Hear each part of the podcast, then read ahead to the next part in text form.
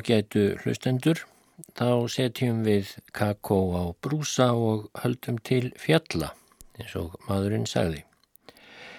Pálmi Hannesson var í áratögi rektor mentaskólans í Reykjavík og kunnur sem slíkur, rómaður, kennari og skólamaður. En hann var ekki síður frægur fyrir áhuga sinn á ferðum og ekki sístum hálendið og hann tók saman á samt Jóni Eithórsinni bækur sem hetu Rakningar og heiðavegir þar sem var að finna alls konar frásagnir um rakningar á heiðarvegum eins og nafnir bendri til og sumt af því skrifaði Pálmi sjálfur og þar á meðal þá frásögn sem ég ætla að lesa í þessum þætti og heitir Mannskaðinn á Fjallabagsvegi. Fyrir norðan Myrdalsjökul, skrifar Pálmi, hefur um langan aldur leið fjallvegur millir skaftártungu og rángarvalla og er hann tíðast nefndur fjallabagsvegur síðri. Allt varum á síðasta mannsaldur áttu skaftfellingar aðdrætti að sækja allarleið til Eirarbakka eða vestur um Hellisheiði og var þá vegur þessi fjölfarin en það er hann miklu mun skemmri en byggðarleiðin um Myrdal og stórvötn eru engin til fyrirstöðu. En síðan Vestlun hóst í Viki Myrdal hefur fjallabagsvegur lagst af að mestu nema helst á haustum því hann liggur um afrétti rangæinga og skaftartungumanna. Þegar fjallabagsvegur er farin úr skaftartungu þá er í fyrstu haldið vestur yfir öldótt heiðalönd uns komiðar á móts við Myrdalsjökul og er þá farið yfir Holmsá við raunlindir sem Britalækir heita. Síðan tekur við öræfaslétta vestur með jöklinum og heitir Mælifellsandur en norðan við hann hefjast upp hlýðar Torfajökuls, giljum grafnar og djúpum dalskvompum. Vestan við Mælifellsand heita Emstrur að markarfljóti og er þar afréttur kólreppinga. En upp með fljótinu að vestan eiga fljótslýðingar afrétt og heitir þar Grænafjall nyrst. Þar er farið yfir fljótið en síðan líkur leiðin norðan við Tindfjallajökull og niður á Rangorvöldu. Vestanvert við Mælifellsand gengur gróðursælt dalverpi til norðausturs milli Brattarafella og heitir það Kvangíl. Þar er fjallvegurinn sem næst hálnaður en hann er að gömlulagi talinn 20 stunda lestaferð byggða á milli. Í Kvangíli er sæluhús allstórt í raunkvelvingu og hefur lengi verið, en það eiga þar flestir nætturstað þeir er veginn fara. Nokkuð austur frá Kvangíli verður annar dalur er gengur allt upp að Torfajökli, þar er gróður engin og nefnist dalurinn Kaldaklof. Þaðan fellur kvíslarkorn sem emsturu áheitir, vestur fyrir kæft Kvangíls og í markarfljót norðan við emsturur. Á sandinum söður af Kaldaklofi er alda einn sérstök og nafnlaus en hún kemur hér síðar við sögu. Órind þótti áður fyrir vera á fjallabagsvegi engum í námt við Kvangíl og Kaldaklof. Getur Sveitn Pálsson þess í ferðabóksinni en nú er flest slíkt glemt og grafið í forneskju. Eftir miðja síðustu öld, þar að segja þá nítjándu, bjós á maður að gröf í skaftartungu er Þorlákur hétt og var Jónsson. Hann var bróðir þeirra merkisbændana Eiríks í hlýð og gísla á bíjarskerjum og var Þorlákur talinn gildur bóndi. Sá var síður Þorláks að hann stundaði sjóróðra á Suðurnesjum hjá gíslabróður sínum frá haustnóttum til vordaga. Þá fór hann oft fjallabagsveg ef veður og færð lefðu en það var hann talinn ferðamaður í besta lagi. Þess er og getið að Þorlákur hafi þótt ölkær heldur um of og þó ekki síður kona hans, Kristín Símonardóttir. Haustið 1868 bjóst Þorlákur til sjóróðura að venju og hugðist fara fjallabagsveg. Með honum réðust til ferðar þrýr menn aðrir og uh, voru þeir þessir Jón Runolfsson, vinnumadur í Gröf, 32 ára og kventur, mikil maður vexti og afrendur að afli. Árni Jónsson er lengi bjóðað skálmarbæ í Áltaveri en hafði verið kaupamaður í hlýðum sömarið. Hann var 52 ára og talinn heilsuveill. Loks var Davíð Jónsson 17 ára unglingur frá leiðvelli í meðalandi og er sagt að áður en hann færi að heiman hafa hann skipt barnagullum sínum milli sístkina sinna með þeim umælum að hann myndi ekki vitja þeirra aftur. Þorlákur var þá sjálfur 44 ára og talinn fullhraustur maður og reyndur að harðfengi. Það er sagt að kvöldið áður en förin var ráðinn þá hafi allir þessir menn hist að Eiríks í hlýð og var þar þá fyrir fleira manna. Hægviðri var á en meðlir töfðu hlóð niður mikill í fönn og hugðu menn uggvænlega horfa um ferðalag þeirra Þorláks en hann brosti við og hvaðst eigi myndu láta slíkt aftraferðum sínum, fjall svo talið niður. Sunnudaginn 11. oktober, hálfum mánuði fyrir vetur, lögðu þeir félagar upp árla morguns.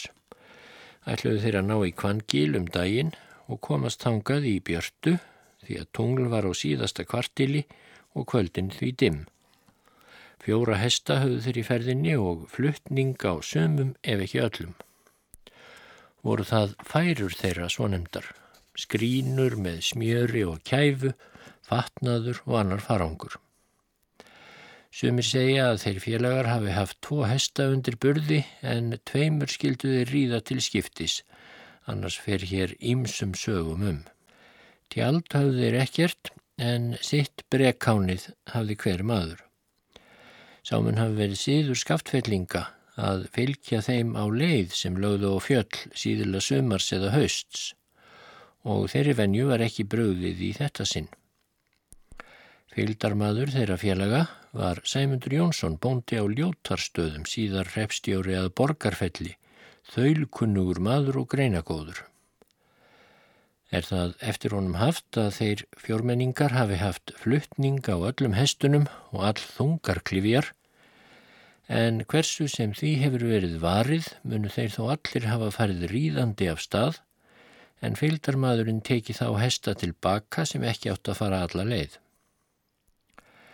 Þennan morgun er talið að kalsa rigning hafi verið í byggð í skaftartungu en krapaslítringur til fjalla og vindur söðulægur heldur þeir félagar nú frá gröf sem leiðlikur upp skaftortungu en komu við í Búlandseli næsta bæ við fjallið.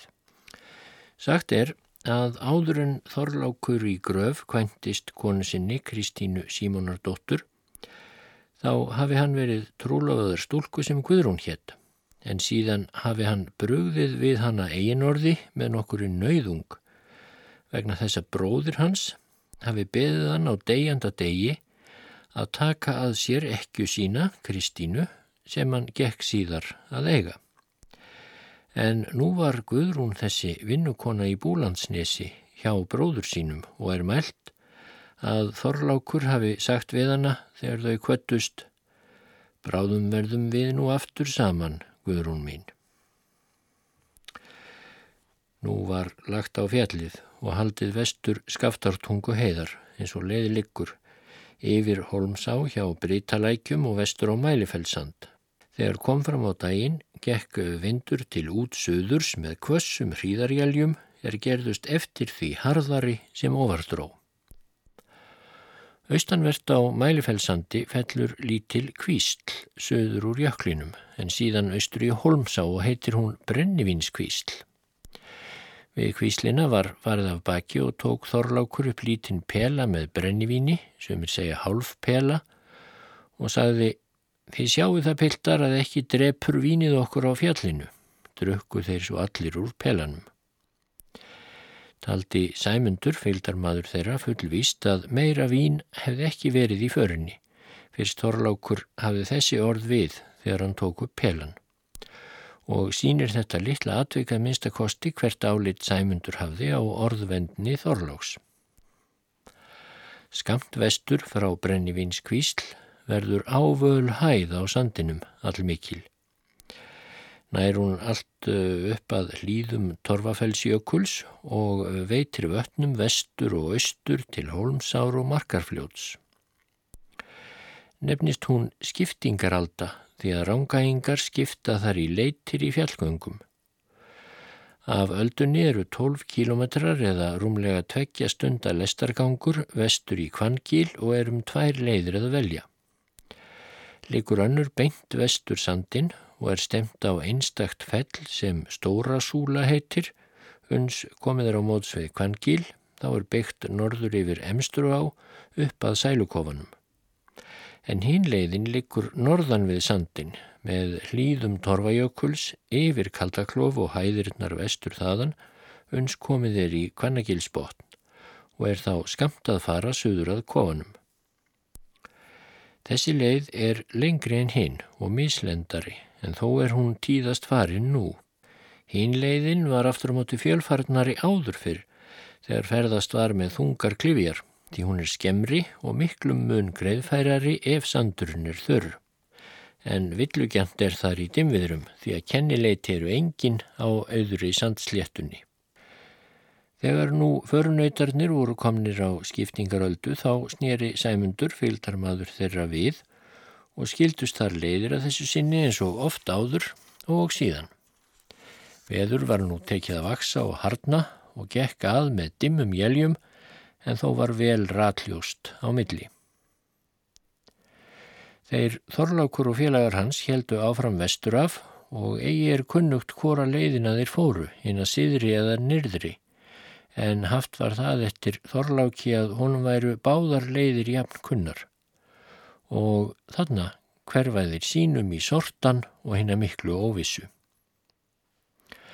Það er frá sæmundi fylgdarmanni þeirra að segja að hann helt tilbaka með hestana og kom heim í aldimmu. Átti hann undan að sækja en það fekk hann sæmilegt veður og eigi dattun mannað í hug en að þeir þorlákur hefðu komist heilu og höldnu í kvangíl um kvöldið.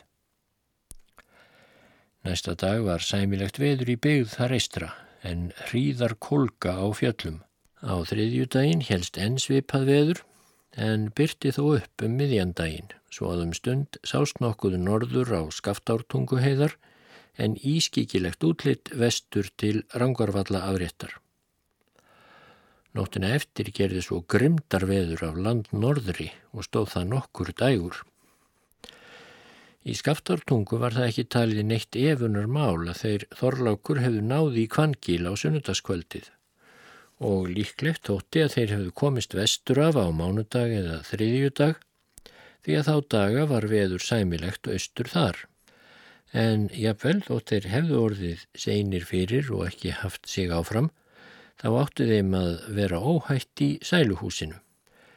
Engin var því uggandi að marki um ferðir þeirra en það vissum en Þorlák vanan í ferðalögum, úrræðagóðan og kunnugan öllum leiðum.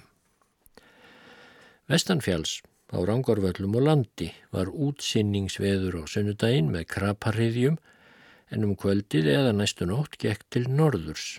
Næstu þrjá fjóra daga var land norðan kvassviðri með hreistingsfjúki og sandbil og sá líkt til lofts eða fjalla en þó var lengi í minnum haft hver ljótur hann var á austurfjöllin þau dægur og svo var veðrið mikið að bakkar þeittust af skóarlest sem var á ferða á rángarvöllum.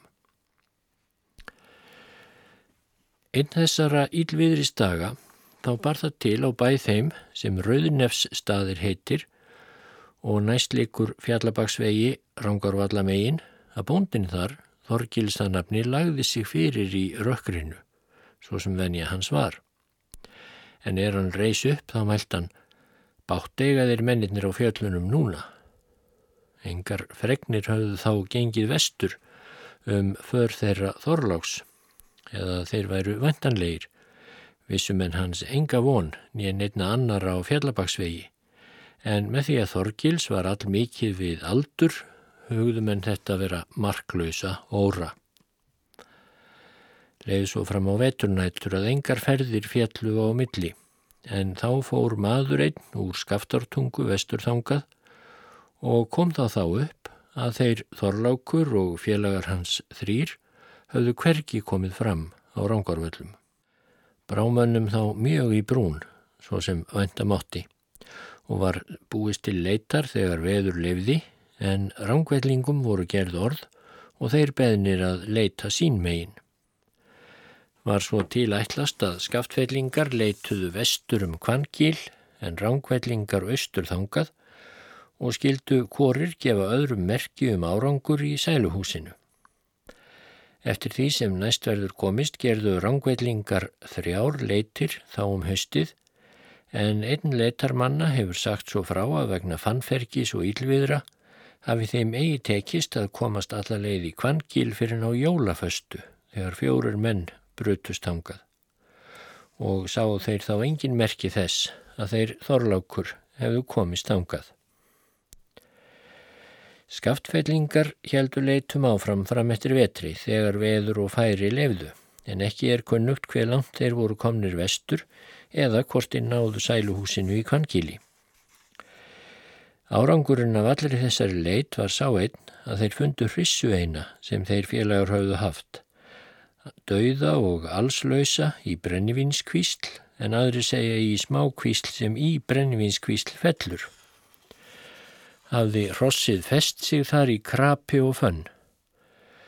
Þótti nú sínt um afdrif mannana þó að engin vissi enn hvar þeir hefðu átt sín síðasta næturstað. Leiði svo veturinn að ekki var frekarað gert en mennirnir fjórir taldir af. Þennan vetur bar það til tíðinda að Guðrún í Búlandsseli, svo sem áður var getið, varð úti á Búlandsheiði, myndust menn þá hverju orða þorláks og kom upp fleira sem þótti benda til þess að hann hafi talið sig eiga skamt eftir og lifað. Jarp skjóttan hest átti Þorlákur, ágætt hross, og þegar hann var að búa sig að heiman þá um höstið var hann spurður hvort hann ætlaði ekki að fara með hestin, en hann á að hafa svarað því að nóg myndi verða til á fjöllunum þótt að Jarp skjóni færi ekki líka. Næsta vor var hafinn almenn leit af ofanverðum rángarvöllum fannst þá braut á mælifelsandi er láað Myrdalsjökli eða frá og var það haldmanna að hún væri eftir þá félaga en brautin kvarf í sand og varð ekki rakin í koruga átt. Úr skaftartungu var einnig leitað um vorið og sömarið þegar Ísa leisti en allt fór þar á sömu leið. Þó fundust á þessu sömri eða næsta hausti rítjur af tveim hestum úr ferðinni var annar þeirra á emstrum af rétti kólreppinga en hinn fannst í markarfljóti hjá grænafjalli og beistli bundið í taklið. Utanum annan þessara hesta, líklega þann sem fannst á emstrum, þá var spennt gjörð og meljutætlur undir. Verðist því hafa verið breytt yfir hestin, svo sem er háttur góðraferðamanna og má ætla að hestarnir hafi verið bundnir á streng. Fjórði hesturinn fannst ekki og hefur aldrei til hans burst, svo víst sé. En nokkrum árum síðar fundust reyndar hestbein hjá, á Myrdalsandi. Hjá sandvatninu var það líklega frekar en múlakvísl og hjá beinunum var ringja af yfirgýrðingi sem mert var þorláki eða allavega talin hans eign en svo par til að einn hesturinn í för þeirra félaga var ættaður úr Myrdal, hafði hann verið seldur um vorið áður vestur í Gullbringu síslu, en strókið heimum sömarið og átti þorlákur að taka hann vestur.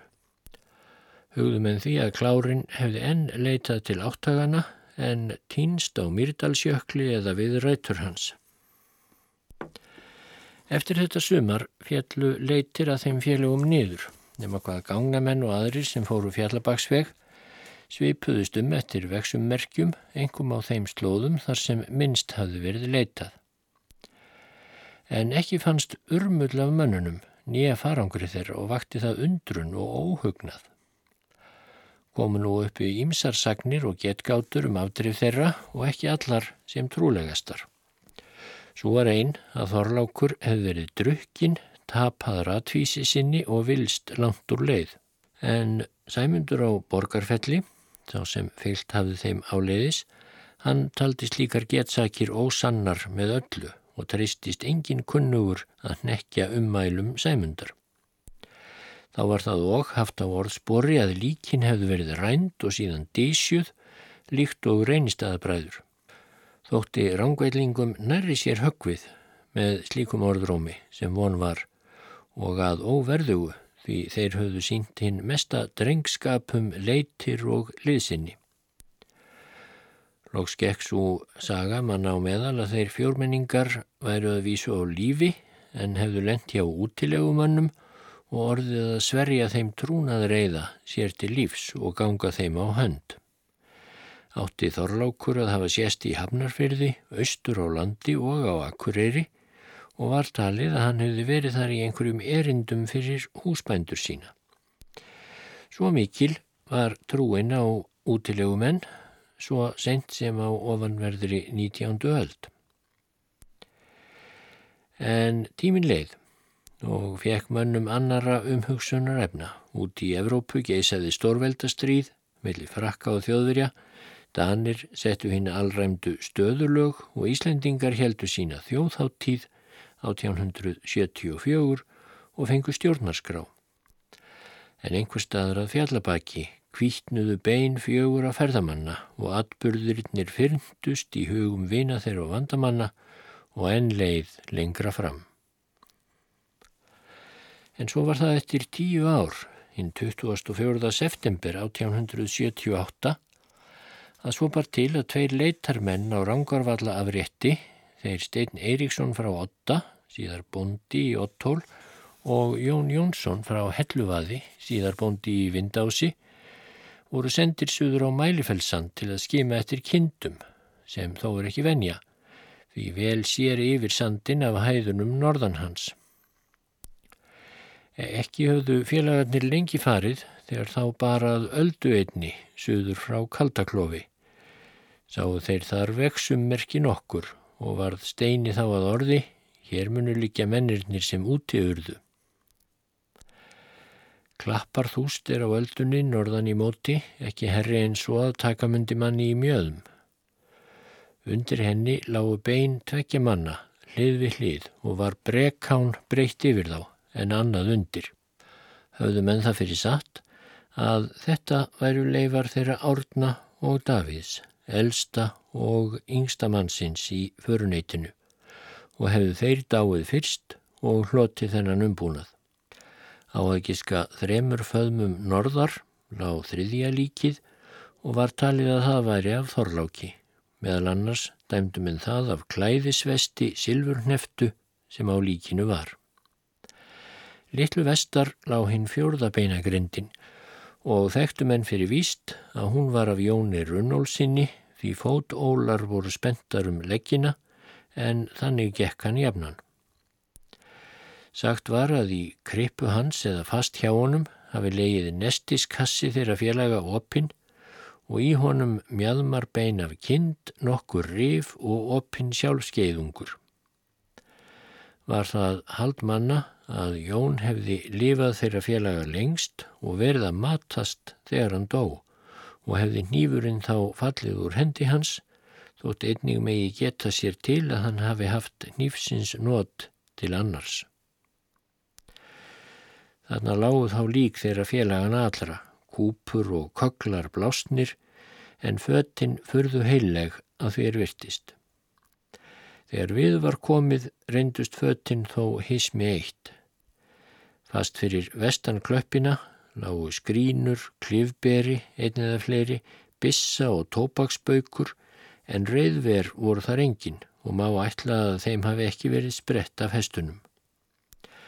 Þeir Jón og Steinn hrefið ekki við neinu en flýttu sér til sinna manna að segja tíðindin.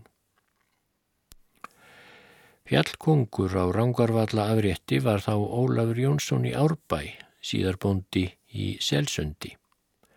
Fór hann þegar að aðtuga fundin með nokkra menn en ekki var Jón í þeim hópi. Talið var að sjaldan sé of mikið af því góða en það virðist þó hafa sín takmörk eins og annað ef vel á að vera.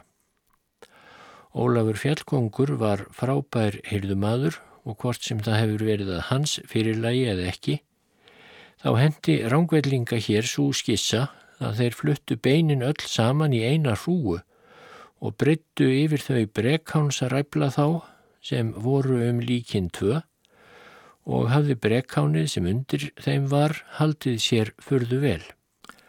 Vitanlega var þetta í góðu skeini gert af rangveilingum en það mátti kalla að líkin hefðu leigið nógu lengi nábjargar laus þó svo nú væri úr bætt eftir föngum. En skaftfellingum sárnaði þetta tiltæki mjög sem vonlegt var því þeir töldu víst að þeir hefðu þekkti líkin af fötunum ef engu hefðu verið hróplað.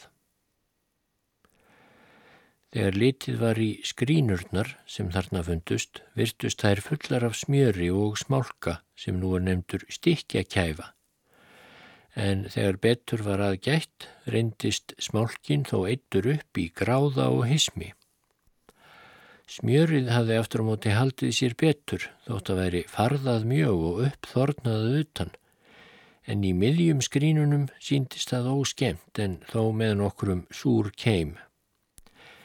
Eru einima 20 ár frá því að síðast var á því smjöri bragðað því skrínurnar voru aldrei fluttar burt en núna eru þeir komnar í spón. Peningar fundust á líki Þorláks, silfurspesíur og orðnar rauðbrúnar á lit. En með því komin var upp önnur mynd í landið þá voru þær brettar upp og smíðaðar úr þeim stokkar á belti sem enn munu vera til. Til eru og krækjur af axlaböndum Þorláks. Rángveitlingar sendu þegar þrjá menn austur í skaftafellstungu til að gera aðvartum beinaföndin en það þótti hann heldur betur tíðindum sæta. Sagt er að einn sendimanna hafi haft með sér brennivínsflösku og gefið Kristínu Símonardóttur ekki þorláks til hugarhægðar þegar hún fengi fréttirinnar og þótt skoðanir kunna vera skiptar um slíka harmbót verður valla deilt um tilgangin en það er fullirt að flaskan væri vel þegin. Tungumenn brugðu við skjótt og sóttu beinin vestur, voru þau fluttað gröf og látin öll í sömu kistuna. Hinn 17. oktober 1878 voru þau grafin að ásum í skaftartungu og var svo jarðarför fjölmenn. Þá voru liðin tíu ár og sex dögum betur frá því síðast fréttist af þeim fjölugum og mun sjálfgeft að lík standi uppi svo lengi. Dóttur áttu þau Þorlákur og Kristín, þá er Ragnhildur hétt. Nóttina áður en komið var með beinin að gröf, þá dreymdi hann að föður sinn að hann væri komin heim, en heldur fannst henni að hann væri óglaður eins og eitthvað væri aðunum. Eftir jarðarföruna dreymir hann að Þorlákað nýju, var hann enn dapur í bragði og kvartaðum kulda á fótunum.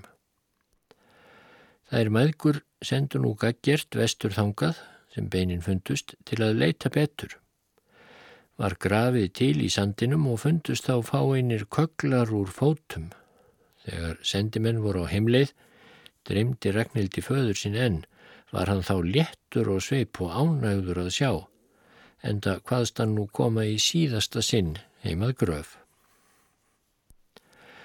Þó að beinin væri fundin og komin í kristinumanna reyt, að vísa öll í eina kistu, þá var það jafn ókunnugt og áður hvað á daga þeirra félaga dreif eftir það þeir skildu við sæmund á skiptingaröldu eða með hverjum hætti andlát þeirra barað hendi.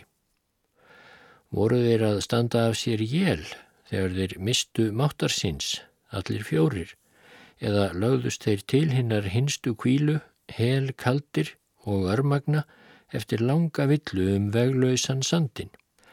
Staðurinn þar sem þeir fundust veitir satt að segja litla vittnesku um þau efni. Hann likur 5 km vestur frá skiptingaöldu eða nærri miðjavegu þaðan í sæluhúsið í Kvangil þangað sem félagarnir stemdu. Þeir virtust hafa búist um móti norðanátt og bendir það til þess að þeir hafi sest að þegar á sunnundagskvöld meðan vindur var enn við út söður.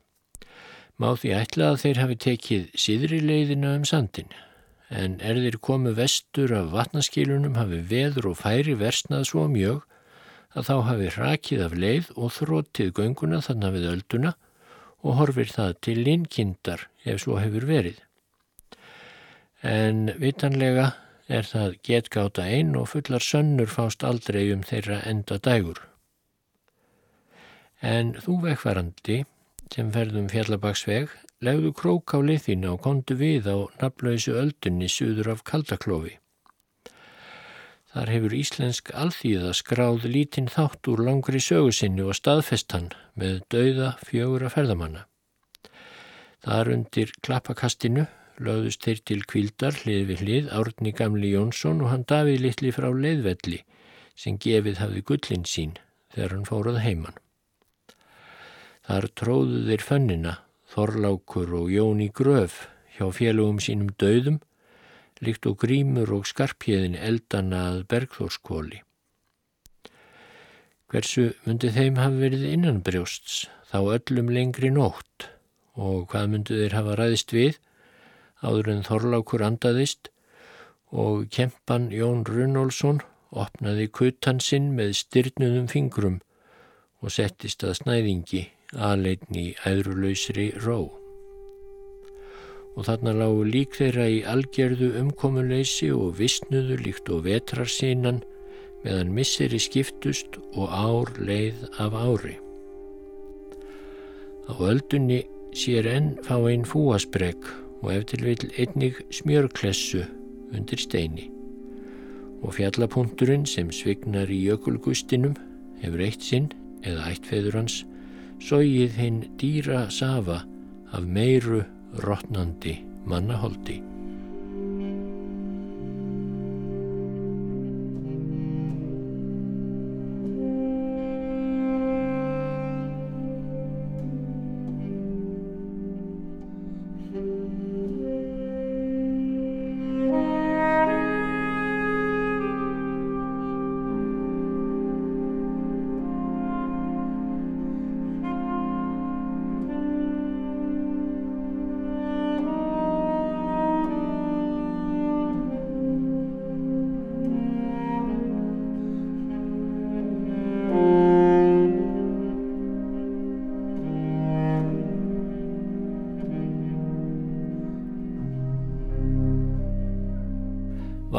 Gáttuði verið, veðurinn fyrir norðan Myrdalsjökul. En válind gáttuði líka verið, veðurinn á Kíli, eins og segir frá í ferðabók Sveins Pálssonar, þar sem hann eh, segir frá ferðalagi sínu Söður kjöl árið 1790 og fjögur. Hinn annan oktober heldum við frá Hofstaðaseli í miklu kvassveðri yfir Hjeraðsvötn í Skagafyrði að steinstöðum, skrifar Svein. Þar hitti ég föður minn og sístkinni í góðu gengi. Dvaldist ég þar til hins fymta, aðalega til að bú okkur undir fjallaferðina sem við áttum fyrir höndum söður á land. Hinn 7. oktober lagðum við upp á fjöllin frá steinstöðum í Skagafyrði, heldum upp Mælifellsdal um haukagilsheiði og tjölduðum í svartárbugum um kvöldið. Heimfjöllin og hálsarnir voru að vísu snjólaus en háfjöllin alkvít. Nú verðum við að ráða við okkur hvort heldur við ætluðum að halda söður stóra sand þar sem við vorum velkunnugir og taka síðan á okkur hinn mikla krók um þingvallasveit eða fara kjálveg sem engin okkar hafði komið á áður en liggur miklu beitna til Rangarvallasíslu. En þar sem fadur minn er hafði fyllt okkur í svartárbuga og var kunnugur síðarnemndri leið yfir kjöl, réð okkur að fara hana, þá ákvaði ég að fylgja ráðum hans eftir ég hafði spurt hann nákvæmlega til vegar. Hinn 7. oktober byggumst við til ferðar og komum brátt á Þingmannaháls, lágan fjálsrana, þar sem hinnar tvær leiðir skiljast. Eftir ég hefði kvart föður minn með kærleikum, eftir vill í síðasta sinn, heldum við leiðar okkar beint söður hálsin að vekelshaugum sem getið um í landnámasögu. En þar skalla á okkur svarta þoka af norðri með slittu og dálillum blæstri. Vegurinn lág yfir haugakvísl, var slitla á og þá um afréttarsvæðið áskýrstungur. Þar var komin talsverður snjór og ílt að sjá til vegarins. Næst fórum við yfir ströngu kvísl allmikla jökul á undan Hofsjökli og taka þá við Guðlaugstungur sem líka er afréttarland og áður var sótt mjög til grasa. Hér likur vegurinn dáltið í suðvestur, yfir svörtukvísl og upp með blöndu um afréttarsvæðið svörtu tungur en þar kvarf vegurinn með öllu. Snjóslittan varð fyrst að klaka skorpu en síðan gerði hríðarkóf með miklu frosti og demviðri. Lóks komum við að blöndu og klöngruðum stífir hana þótti lífshætta væri þegar þess er gætt að hún var þegar full af hálfrostnu krapi. Ég ætlaði að strekjaði biskupsþúfu, efsta áfangastað og síðasta haglendi norðan fjalls, en þar sem allt var á kafi í snjó og ekkert sást fyrir þóku, þá reistum við tjaldið rétt sunnan árinar án þess að hafa hugmyndum í hvað átt við ættum síðan að halda.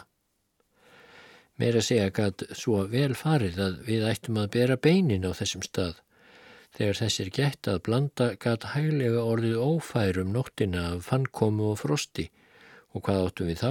Til bræðs að taka inn í króaðir á báðar hliðar af ferlegum jöklum og ramvildir ef leiðin lokaðist að bakjokkar. Mér varð ekki svepsamt, en ég var svo heppinn að þokunni svifti af með öllu undir miðnættið. Varð ég næsta fegin að geta nú aðtogað í glada tungsljósi kennileiti þau sem fariðir eftir á leið þessari tók ég nú stefnuna með áttavita mínum bæði á dalinn sem við áttum að fara millir Hofsjökuls að austan og Langjökuls að vestan á kjálfraunnið og önnur fell sem við ætluðum að hafa á hægri hönd. Ég var hálf döður úr kulda þegar ég hafði lokið þessu en ég lagðist til svefns, hinn von besti um ferðalagið og svavært fram í dögun. Hinn 8. oktober byggumst við því snemma af stað en nú var þokanorðin jafnsvört og gekk á með smá fjúki eins og daginn áður. Var ég því að hverfa frá því áformi mínu að skoða í þessari ferð hveravelli skamt fyrir vestan okkur og svæðið umhverfis þá sem kallast Kvínverjadalir og fyrrum voru byggðir. Við urðum fyrir hvern mun að komast fljótt yfir fjöllin, stegum við á hestbakk og heldum á stað en þar sem jörðin var með öllu hulin snjó og við vissum ekki vegin en urðum að taka stefnuna beint í suð-suð-austur eftir áttavitamælingunni um nóttina. Þá vissum við ekki fyrir til er við höfum farið svo sem fjórðung mílu en við vorum komnir með hestana og hafurtaskið út í botlöst fen þar sem allir hestarnir sátu fastir á sveip stundu.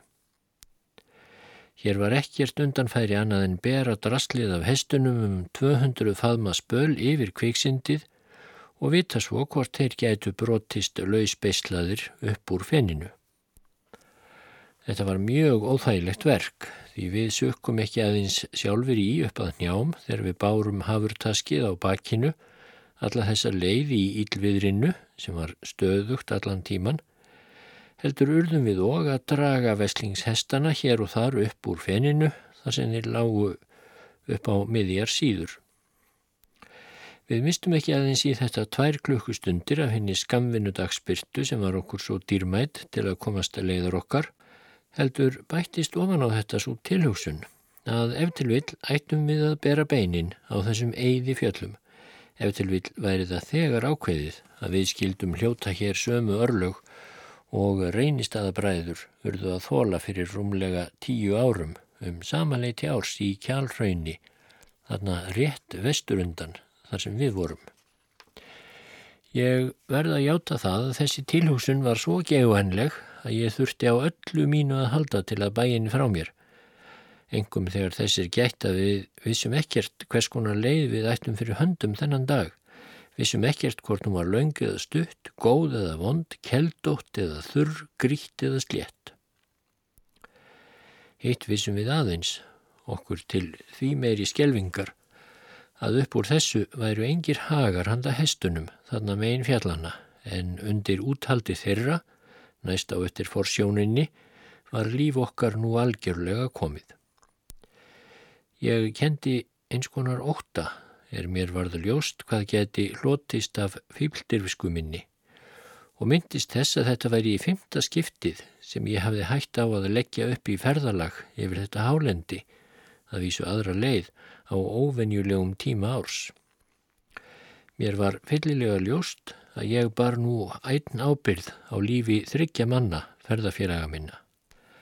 En þrátt fyrir allt þetta þá held ég ferðinni áfram, eins og í hálgerðri leiðslu, jafn skjótt og við vorum lausir úr horngrítis fenninu og fórum við svo lengi í svarta þóku beint í söðaustur um vondan smágrítan heiðarveg þar sem hverki sást stingandi strá.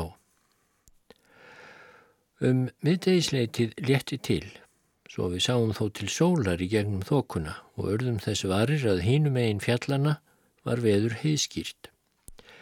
Rétt hjá okkur á hægri hönd grilltum við í grúfufell sem annars á að vera á vinstri hönd þegar fariður um kjálfraun en lág nú beint framundan. Begðum við því dálitið í austur til að komast millir hraunsins og jökulsins en sáum brátt að það myndi verða of mikill krókur réðum við því af að reyna að komast einhver staðar yfir hraunnið þar sem það virtist mjóst. Þetta gekk að óskum og eftir dálutinn spöl vestur á bógin rákumst við okkur til mikils hugarléttis á nokkrar vörður og rétt hjá þeim þjóðleiðina yfir kjöl því snjórin var þegar orðin minni á þessum slóðum en norðurundan. Þokunni létti líka smám saman, svo brátt þekktum við beint framundan okkur fjall það sem skúti heitir og þar áttum við í vendum að finna dálitla haga handa hestunum. Við fórum yfir svartárbuga sem draga nafn af bergvassbrænunni svartá og komum að skúta um sólarlags bil. En nú tók að kvessa af norðaustri með hörku frosti og vegna snjóalaga gáttum við ekki fundið neina haga fyrir hestana. Setna fréttum við að þetta hefði fyrst og fremst stafað af ókunnuleika okkar því að áfangastadurinn lægi nokkru sunnar og vestar en við fórum. Í hálgerðri örvendingu tók ég stefnu í söðu-austur beint yfir fjallið og lá leiðin langastund um grítar smáhæðir uns við komum að ljótri jökulá sem kallast jökulfall og þekkti ég það aðeins af afspurn en vissi ég að framt að hinum einn við ána tók við hinn svo nefndi hreppamanna afréttur og voru alla líkur til að þar hliti að meg að finna haglendi og áfanga stað. Jakaför var í ánni og lagði af henni megna fílu en tunglið blessað það líst okkur yfir á ágætu vaði á þess að nokkuðir þið að. En heldum við áfram í söðulega átt yfir einhvers konar ólendi sem hvergi á sinn líka þar sem ég hef farið en ekki fekk ég rannsaka þetta fyrir snjó og náttmyrkri sem nú var skollið á. Þreyttir bæði líkamlega og andlega af andstreimi þessa leiðinda dags, þá tjöldum við klukkan tíum kvöldið, er við komum á kjarri og lingi vaksnar flesjur, þar sem ætla mátti að einnig væri ögn á grasi undir snjónum, alls hugar fegnir að hafa yfirstíð vestu torfærurnar á þessari fjalla leið. Eftir óværa og illa næturkvíld voru við næri til hádegis að leita hestana sem höfðu rásað langt áleiðist til byggða í leitað haglendi. Lókskátum við stíð á bak og heldum leiður okkar í söðu-söðu vestur með fram háum fjálsrygg í beina stefnu og bláfell og sáum þá að engin snjór hafði fallið í söður hlýðar þess. Fórum við lengi fram með lítilli á sem grjótánefnist yfir mýrar og flár uns við fundum að lokum alfara leiðina sem við höfðum farið út af hjá skúta. Lá leiðin síðan í S yfir smá árnar Sandá, Stangará og Búðará. Hvarf snjórin smám saman en að samaskapi varð jörðin harðfrostnari og berangurslegri, jafnvel ílfær með flatjárnaða hesta. Um miðnætti komum við að Hamarsholti, efsta byggðu bíli í Hrunamannarreppi og lágum þar í tjaldi um nóttina í hörku frosti en ferðin yfir kjöl var lokið.